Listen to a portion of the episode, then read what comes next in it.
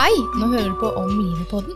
Og Om livet det består av en sexolog, en rosenterapeut, en coach, en psykolog og en forfatter som alle vil berøre deg i hjerte og sinn med kunnskap og erfaring på en ærlig, raus og modig måte. Hjertelig velkommen, og bli med videre.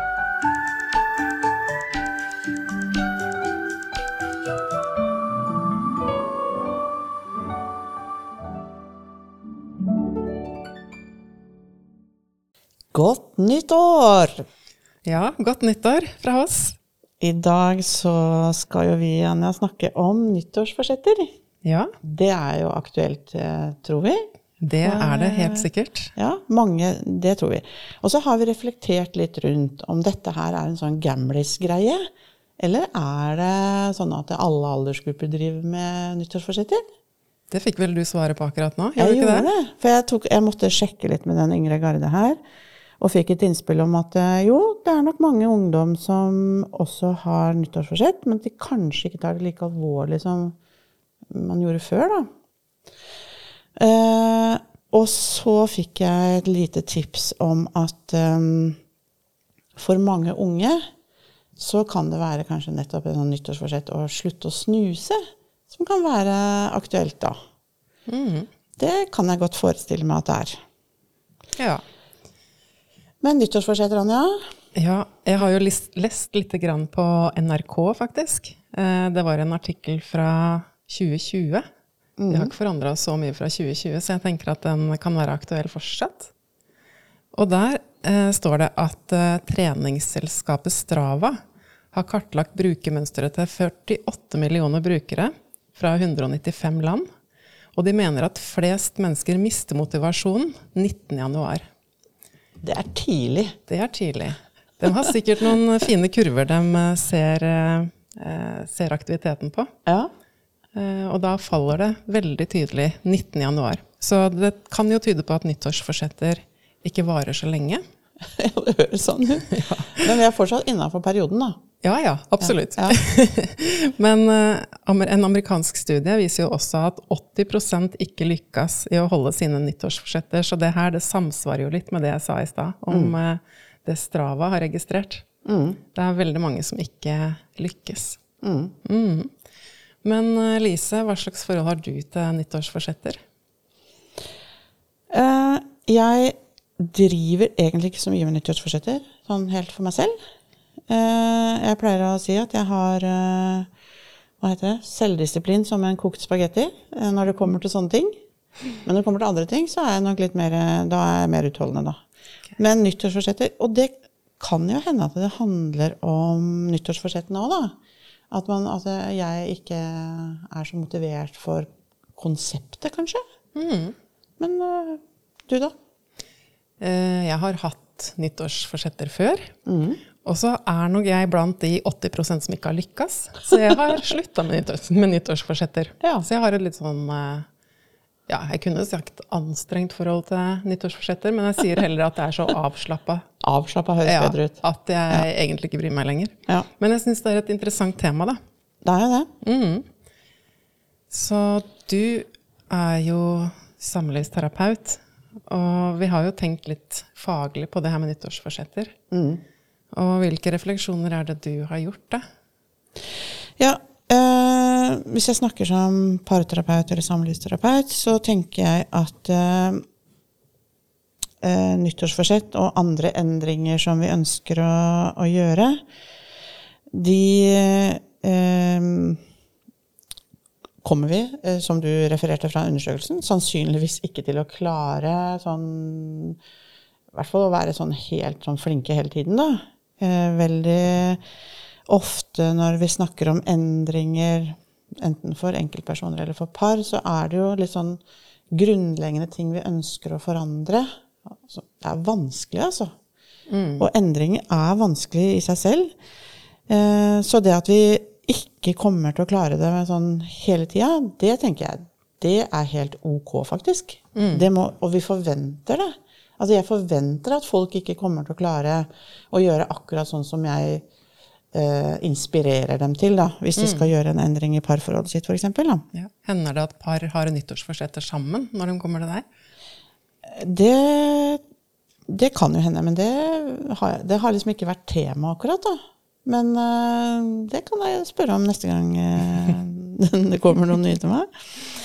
Men uh, endring i seg selv er utfordrende, og jeg tenker at vi må gi oss selv og hverandre litt slack da, i å klare å, å gjøre de endringene som vi ønsker å gjøre. At vi um, vi, vi, bør være liksom hverandres hjelpere litt, da i forhold til de endringene vi har lyst til å få til. Og kanskje vi trenger litt sånn tabbekvoter, rett og slett. Mm. At vi vet på forhånd og har snakka om at ja, eh, jeg har veldig lyst til å få til dette her, men må, jeg må ha en liten tabbekvote. Og for tabbekvote tenker jeg er istedenfor å gi opp, da. Mm. At kanskje vi ikke gir opp 19.1, men kanskje vi kan tenke at eh, nå har jeg nå, ja, tabbekvoten min eh, første fall her. Og så fortsetter vi, altså vi fortsetter å prøve, på en måte. da. Ja, At vi kan være litt rause med oss sjøl, hvis ja. ikke vi får det til. Og hverandre. Ja. Mm. Mm. Så, og kanskje vi må justere målet litt. Kanskje fordi vi har uh, hatt litt hårete, litt vel hårete mål. Mm. Eller kanskje vi må rett og slett finne en annen vei til målet. Det er mange sånne ting her.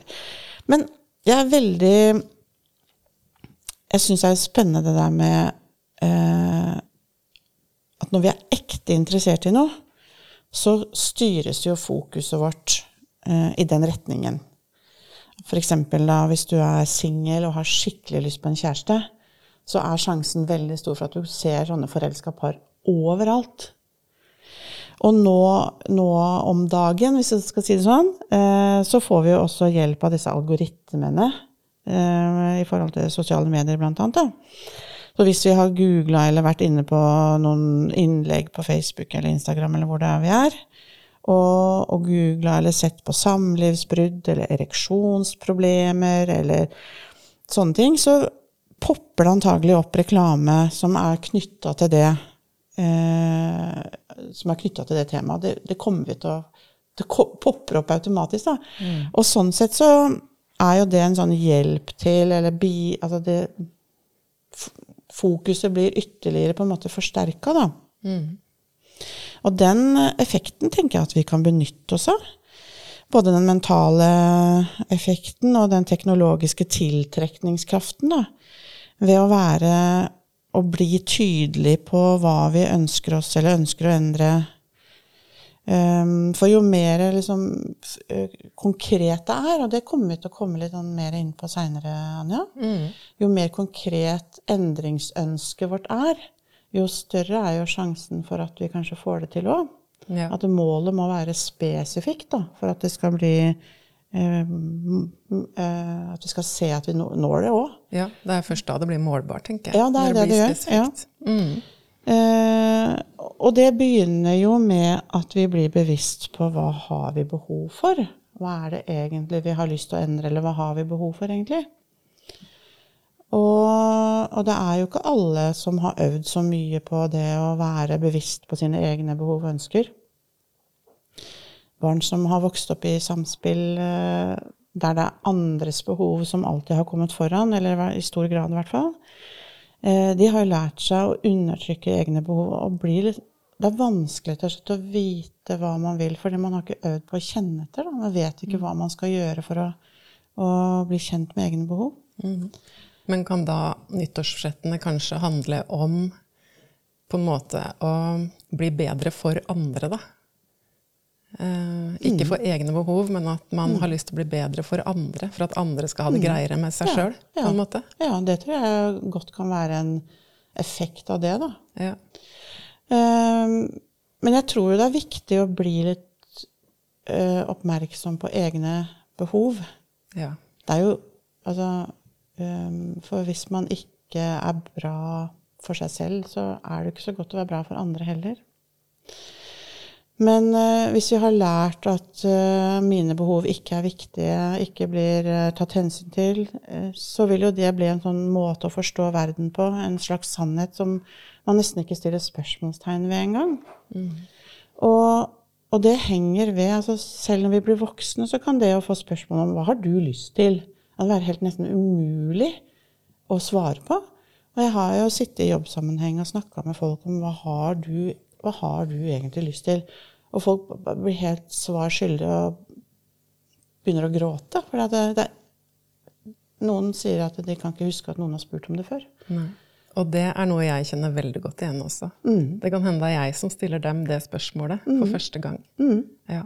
Og, det Og det er sterkt, altså. Ja, det er det. Ja. Og så er det også noen som sier at oi, kan det være så enkelt at jeg kan styre etter hva jeg vil? Mm. Hva jeg trenger?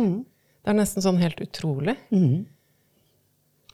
Og det tenker jeg, Mange vil kanskje tenke at det, det høres jo helt umulig eller ekstremt ut, men det er faktisk sannheten for veldig, veldig mange. Og, øh, og, det, og det påvirker livet i veldig stor grad. Da. Det påvirker alle slags relasjoner, og kjæresterelasjoner, og familie og venner og arbeidsliv. Det påvirker alt hvis på en måte det er opplevelsen. Da. Men den gode nyheten, det er det går an å endre det verdensbildet. Og det er aldri for seint. Og det er veldig veldig mange jeg jobber med, som opplever en sånn utfordring. Og som har utgangspunkt i det de opplevde som barn. Og det er så utrolig gøy å jobbe med. Og, og når folk oppdager på en måte muligheten til å se det på en annen måte, da. Det, er helt, ja, det er veldig, veldig gøy. Ja. Og når folk oppdager det, så vil jo nyttårsforsettene kanskje bli veldig annerledes enn før de oppdaga det. Absolutt. Å se sin egen verdi og hva som er viktig for seg. Mm. Det vil gi andre, ja, andre nyttårsforsetter, hvis man vil ha nyttårsforsetter. Da. Mm. Og, og det er jo et nødvendig utgangspunkt uh, for endringsprosesser, egentlig. Det hele tatt, at man har en, altså en egen mulighet til å gjøre endringer. Da. Det, det er jo på en måte en forutsetning for nyttårsforsetter og andre endringsprosesser. Mm. Men uh, jeg har lyst til å, å gi et lite sånn tips eller et lite verktøy hvis man syns at det er vanskelig å finne ut hva man har behov for fordi man ikke har øvd på det, eller av andre grunner. Um, når vi kjenner at noe mangler, eller at vi er misfornøyd med situasjonen vi er i, da kan det være en god start å begynne med å registrere den situasjonen som du er i, eh, så konkret som mulig. Hva er det som trigger når du kjenner at du blir irritert eller lei deg eller sint? Altså, hva er det som har foregått rundt deg? Eh, Hva har du tenkt? Er det noen som har sagt noe til deg? Er det en stemning du oppser... Altså, hva er settingen rundt, da? Og hvis man klarer å få registrert det, skriv det gjerne ned. Eh, så kan du jo få Da kan du jo se til om det er noen mønster i det. Altså hvis du gjør det mange ganger, er det noen mønster i det. Eller hvis du har behov for eh, å få hjelp til det, så er jo det sånn som vi terapeuter jobber mye med. Ta med deg de observasjonene eller tankene om det, og kom, så kan vi jobbe med det sammen. For vi er ikke satt opp med følelser for at vi skal ha det så behagelig som mulig. Og hvis vi tenker på de grunnfølelsene som man ofte på en måte Hvis vi googler grunnfølelser, så får vi et sånn eh, oppsett over seks-åtte sånne grunnfølelser. Eh, nesten alle er negative. Har du tenkt på det? De er ubehagelige, Ja. men kjempeviktige for deg. Ja, det er jo det. Men det så, altså, mange har kommentert at de, hvorfor skriver du bare, nesten bare negative følelser? Men det er, det er jo de som er grunnfølelsene. Og vi er ikke satt opp med følelser for at vi skal ha det mest mulig behagelig. Vi har satt opp med følelser fordi få, at det skal være en hjelp for oss til å overleve. For det gir oss kjempeviktig informasjon, følelsene våre. Og for eksempel da, hvis jeg går, og dette har jeg opplevd, det er skikkelig ubehagelig, og jeg hadde med meg eh, eldste dattera mi òg. Vi gikk i en bakgate eh, på Lanzarote. eh, I en bydel som vi egentlig ikke kjente så veldig godt. Det var liksom ikke turistdelen av eh, Carmen. Vi gikk i noen bakgater en mørk kveld. eh, lille jentungen og jeg. Og så merka vi at det var en som gikk bak oss, eller som kom bakfra, og gikk fullt Altså, vi fikk opplevelsen av uh, at vi ble fulgt etter, da. Uh, og jeg ble veldig, veldig redd. Og jeg tenker at den følelsen der, det var uh, Den hadde jeg, og den fikk jeg fordi den ga meg informasjon om at det, nå er du på feil sted til feil tid med feil person. Nettopp. Så, så det var jo en sånn følelse som skulle hjelpe meg til å komme ut av den farlige situasjonen, tenker jeg da. Mm. For en sånn type alarmberedskap som jeg opplevde da, og som vi kan oppleve i mange andre situasjoner òg, det er jo en hjelp for oss at vi skal Kanskje vi skal flykte, eller kanskje vi skal kjempe. Eller noen ganger så skal vi fryse òg. Det kan være til hjelp. da. Men uh, følelsene våre er superviktig informasjonskanal. Så bli bevisst, da, de, som, de ubehagelige følelsene. Skriv det gjerne ned. Tanker som trigger, situasjon. Noen som sa noe, kanskje. Stemningen. Um, for det er råmateriale til å, å få masse, masse, masse kunnskap. Veldig, veldig spennende. Og vi kan vise bare til at vi har jo hatt en podkast tidligere ja, om, eh, om å være tro mot seg selv. For dette handler jo også litt om å være tro mot seg selv. Ja, i stor grad, tenker jeg. Mm.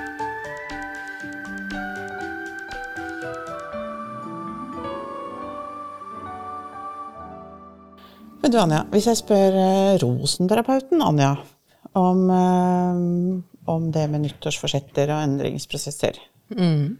hva svarer rosenterapeuten, tro? Jo. Jeg har jo reflektert litt rundt det. Eh, Og jeg tenker først og fremst på de som ikke lykkes med å gjennomføre nyttårsforsetter. Jeg er jo en av de. Eh, Og vi lever jo i en tid med mye press fra ulike kanter. Og det er jo noe som påvirker oss i kropp og sinn. Og det merker jeg i veldig stor grad som rosenterapeut. Det er jo utrolig mange som går med stress og indre uro, nedstemthet og angst og rastløshet. Og det kan jo handle om livet som skjer her og nå, og det livet som vi har levd. Og når det allerede er så mye å håndtere, så trenger vi jo å virkelig vurdere om vi skal legge enda mer press på oss eh, ved å, å ha et nyttårsforsett, da. Eller om vi skal la det være. Og de opplevelsene som vi har vært igjennom, de setter seg i kroppen på ulike måter. Eh, hvis ikke de bearbeides underveis. Og det er jo sånn at eh, ikke alt kan bearbeides underveis, fordi eh, det er ikke sånn at det er rom for det i enhver situasjon. Og da kan vi jo sitte igjen med det, noe av det som jeg nevnte da, i starten, om uro og angst osv. Og, og jeg har litt lyst til å si noe om flukt. Fordi eh, det er ikke bare lett å, å bryte disse her mønstrene eller uvanene våre. Um, for vi prøver jo å holde oss på en måte i sjakk ved å flykte fra det som foregår på innsida. Uh, og det er mange måter å flykte på. Og det kan jo f.eks. være å spise eller shoppe, eller vi kan bruke ulike former for rusmidler. Sex og porno, det vet jo du noe om, som også er sexolog. Og ikke minst det med sosiale medier og, og alt annet som er tilgjengelig på nettet. Og Eh, Den flukten som jeg snakker om, det kaller vi jo ofte uvaner. Og nyttårsforsetter, det handler jo ofte om å endre på uvanene. Og når det ligger så enormt mye bak de uvanene, så kan det være veldig, veldig vanskelig å gape over eh, alt aleine. Og da kan jo den følelsen av mislykkethet eh, komme veldig raskt. Så det jeg tror, da, det er jo at vi trenger å tillate oss å være mer rause med oss sjøl når vi ikke lykkes. Og i en tid som mange opplever som veldig veldig krevende, så trenger vi minst av alt å ha den indre krit kritikeren på skuldra. La den få lov å herje fritt. For det kan man finne på. Mm. Og at vi heller kan prøve å øve oss til å ha en vennlighet mot, mot oss sjøl. For at det skjer enormt mye i kroppen hvis vi istedenfor å kritisere oss sjøl, kan møte oss sjøl med en vennlighet. Og tenke at det er greit som det er akkurat nå. Og skal vi gjøre noen endringer, så kanskje vi kan heller eh, legge en litt mer sånn langsiktig plan og finne litt ut av hvem man skal ha med på laget og sånt. Men det er jo faktisk 20% som lykkes med nyttårsforsettene sine også. Da. Det er jeg faktisk veldig, veldig, veldig imponert over. Ja. Og ja, jeg har bare lyst til å si at eh, som rosenterapeut så jobber jeg jo veldig mye med det som ligger under uvanen eller flukten. Eh, at, sammen, at eh, de sammen med meg hilser litt på det ubehaget som vi vanligvis eh, vil unngå. Og jo mer vi tør å bli kjent med det ubehaget, jo mindre plass vil det jo ta. Og når det tar mindre plass, er det jo også lettere å bryte de uvanene. Mm. Eller kanskje ikke flykte så mye, da. Eh, og målet er jo ikke Ja, du ville si noe? Ja, jeg tenker at det, altså det uh, begynte å tenke litt på når du sa det nå, var at ved å akseptere Altså når vi blir kjent med det som ligger under, så får vi også en mulighet på en måte til å akseptere det. Mm. Og at aksept også er et godt utgangspunkt. Uh, det kan jo fortsatt hende at vi har lyst til å endre ting, men at vi på en måte kan ha litt den rausheten med oss selv at uh, ja, sånn er det faktisk. Jeg burde sikkert eller hadde hatt godt av og sånn. Mm. Men at jeg også kan akseptere at jeg ikke er Jeg er ikke perfekt, jeg heller. Nei. Og at det i seg selv kan hjelpe oss til å få litt sånn ro, da. Mm. For jeg tror, som du sier, at det er så mye som presser oss nå for tida rundt utenfra. Mm. At uh, vi trenger egentlig den roa vi kan få, da. Vi gjør det. Og det med aksept, det er jo kjempeverdifullt. Mm. mm. Og så sa jeg noe om at flukt uh, altså, ikke nødvendigvis er så bra. I hvert fall ikke hvis det foregår uh, hele tida og man aldri kjenner innover.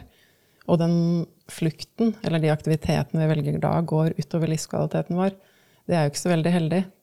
Men noe flukt tenker jeg er eh, veldig naturlig og veldig riktig at vi skal gjøre. For det er jo ikke sånn at vi skal ha kontakt med vårt indre alltid.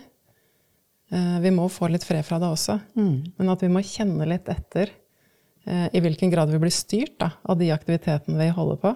Er det jeg som nå velger at jeg skal inn på Facebook? Eller gjorde jeg det nå fordi det var en eller annen følelse som uroa meg, eller som jeg ville bort fra?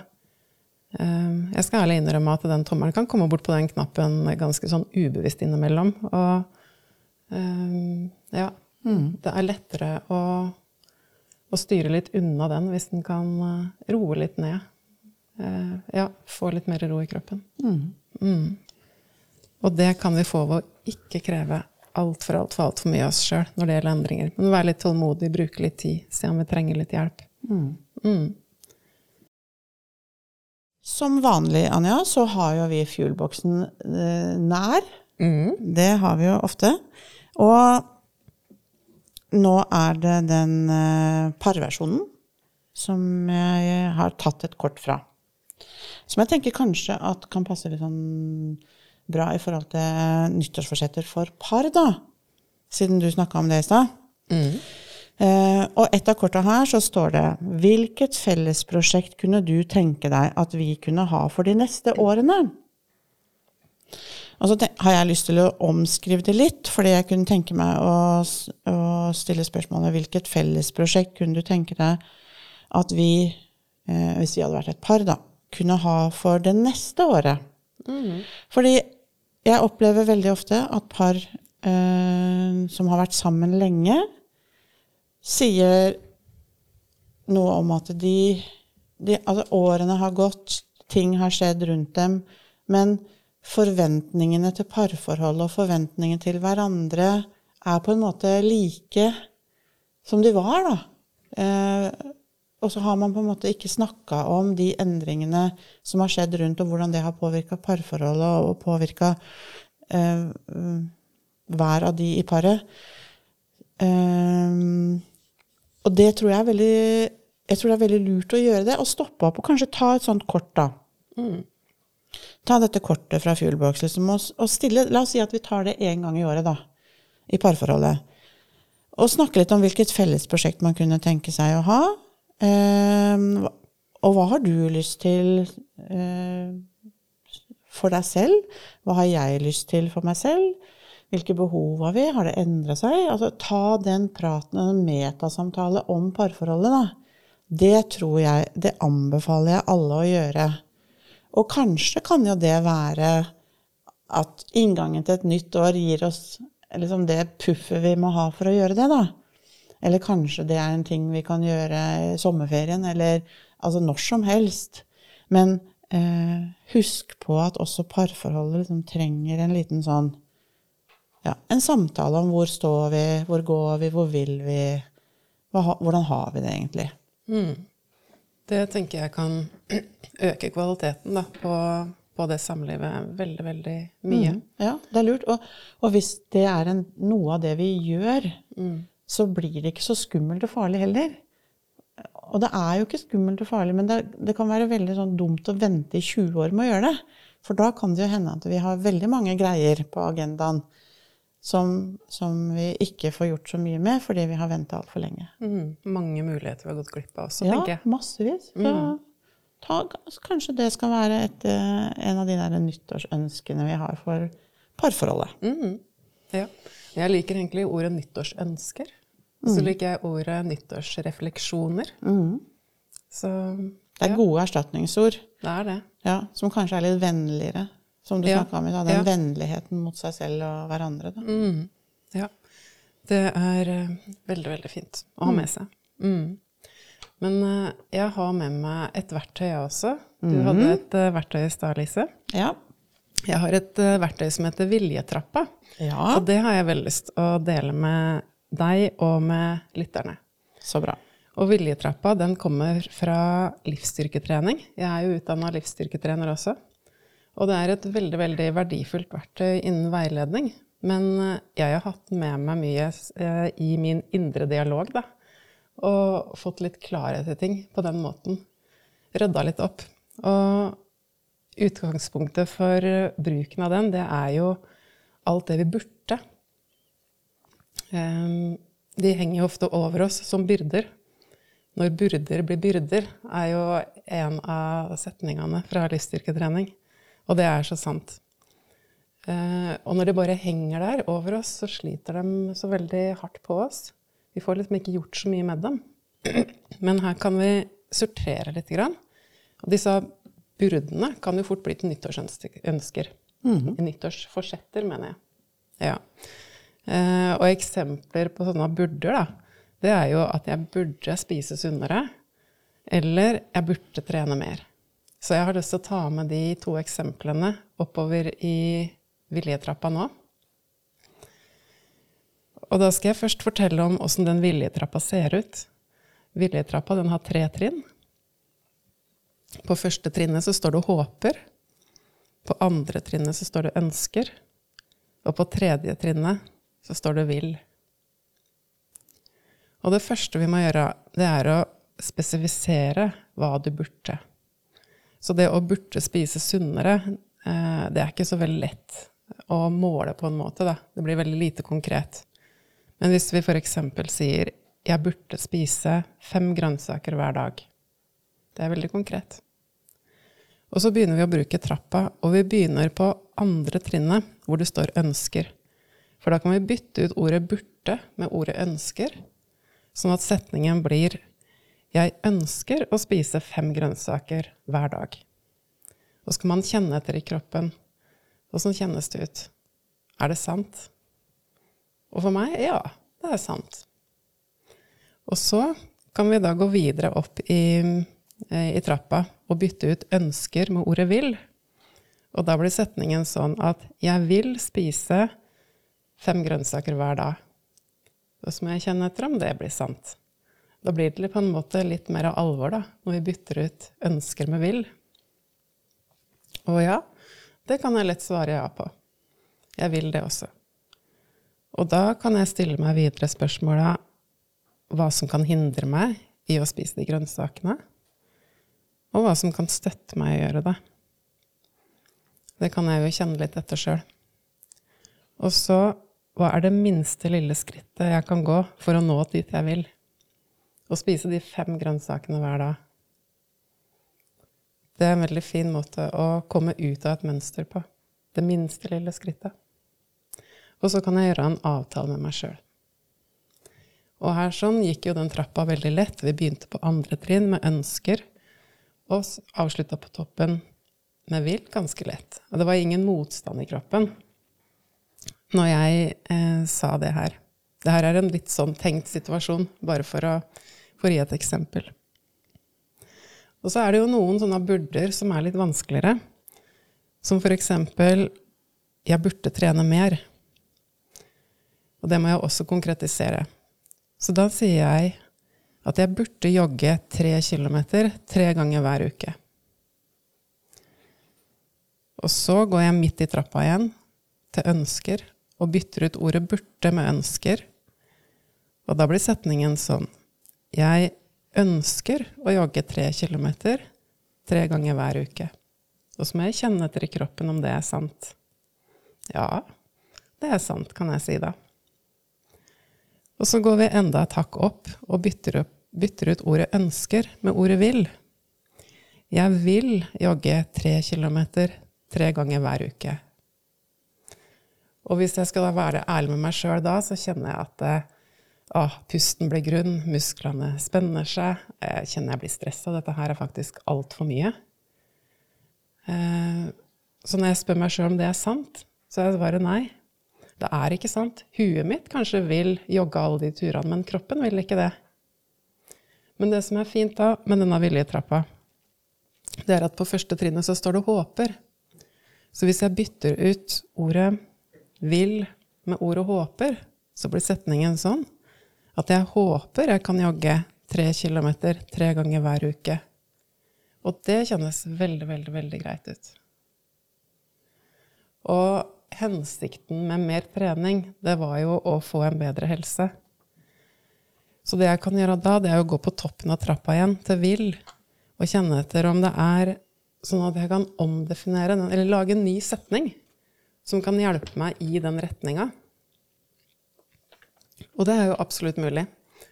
Jeg kan, jeg kan tenke at jeg skal heller gå to turer i uka, og kanskje jogge de siste 200 meterne. Og kjenne etter åssen det er for meg å si det høyt. Og det kjennes helt overkommelig ut. Da er jeg jo litt på vei. Og så kan jeg da spørre meg sjøl om det er noe som hindrer meg, og om det er noe som støtter meg i det. Um, og jeg kan også stille meg spørsmål om hva er det minste lille skrittet som skal til for at jeg kommer i gang med å gå to ganger i uka og så jogge de siste 200 meterne. Og det kan jo være noe så konkret som å sende en melding til naboen, som jeg kanskje prater litt over med hekken uansett, om kanskje vi skal gå en tur på mandag og torsdag. Og gjøre det helt, helt, helt konkret. Og så er vi i gang. Og det er veldig, veldig, veldig godt å slippe å ha de, det at man burde eh, ha de joggeturene, ha de hengende over skuldrene, på en måte. Bedre å kunne legge det vekk, og så ha det litt sånn på vent. Og kanskje når man har gått de turene ei stund, og jogga litt lenger for hver gang, så kanskje det er en mulighet for å jogge de tre kilometerne uten at det virker helt uoverkommelig. Så det her er jo noe som eh, alle kan bruke, enten i en dialog med seg sjøl, eller man kan bruke det sammen hvis man har lyst til å jobbe sammen mot et mål. Så ja. Det var dagens tips fra meg. mm. Veldig Veldig fint verktøy, den der trappa der, altså. Ja. Den uh, har jeg lyst til å prøve meg på med noen av mine burter og, mm. og sånn òg. For den ja. uh, tror jeg kan være en smart måte å evaluere litt på. Da, og, bli, Å få til mål som er realistiske. Mm. For hvis vi starter med mange nyttårsforsett eller mål, uansett når det er på året, som er urealistiske, så vil vi i hvert fall komme i den der prosenten av de som ikke lykkes. Da. Mm. Ja. Det er helt sant. Godt hjelpemiddel, høres det ut som. Ja. Og jeg, det som jeg liker med den viljetrappa veldig godt, da, det er jo at vi kan være målretta samtidig som vi har en uh, veldig um, omsorg for oss sjøl. Mm. At ikke vi presser oss for mye. Så den der balansen der må være mm. målretta og i tillegg ta vare på oss sjøl. Mm. Det syns jeg er så veldig, veldig fint når vi bruker viljetrappa. Og egenomsorg, det er jo noe som uh, vi allerede har snakka litt om, uten å bruke det ordet akkurat i dag. Det kommer vi til å snakke mer om i neste podkastepisode om Livet-podden. Så ja, kan gjerne ha det med dere både fra denne her podkasten, og så kan dere glede dere til neste. Mm. Det er et veldig veldig viktig tema nå som det faktisk er ganske tøft for mange å leve, da. Mm. Mm. Veldig bra. Jeg tenker, Anja, at uh, uansett om man har nyttårsforsetter eller ikke, om man har nyttårsønsker eller refleksjoner, uh, så, er ikke, så, er, så er ikke det så viktig om det er det vi har. Men uh, at, vi, at, vi, på en måte er litt sånn deltakere og litt bevisste i vårt eget liv. Mm. Det er i hvert fall viktig. Da skal vi rett og slett runde av denne podkastepisoden med et dikt, Anja, av Ingjerd Sverresdatter Haneseth. Ja. Hennes dikt oppdaga jeg på Facebook når jeg scrolla litt sånn akkurat i overgang til et nytt år. Og det her var faktisk det fineste jeg leste på Facebook i denne overgangen. Så det gleder jeg meg til å lese. Så kom du, forhåndsomtalt som både skremmende og håpefull. Brutal og varsom. Du er både frykta og etterlengta. Men nå er du her, sammen med meg og alle de andre. Jeg er ikke aleine om å undre meg over hva du vil vise, lære, gi og kreve. Men jeg håper vi alle klarer å møte deg med undring, respekt håp, tålmodighet og evnen til å se løsninger underveis i alt du vil by på. Å møte deg slik tilværelsen rundt oss er, kan oppleves som å stå ytterst på et stupebrett og ha både vann og høydeskrekk. Men hva er alternativet? Så jeg løfter blikket, trekker pusten og hvisker Hei, 2023. La oss være sammen i alt du kommer med. Du har jo med deg selve livet.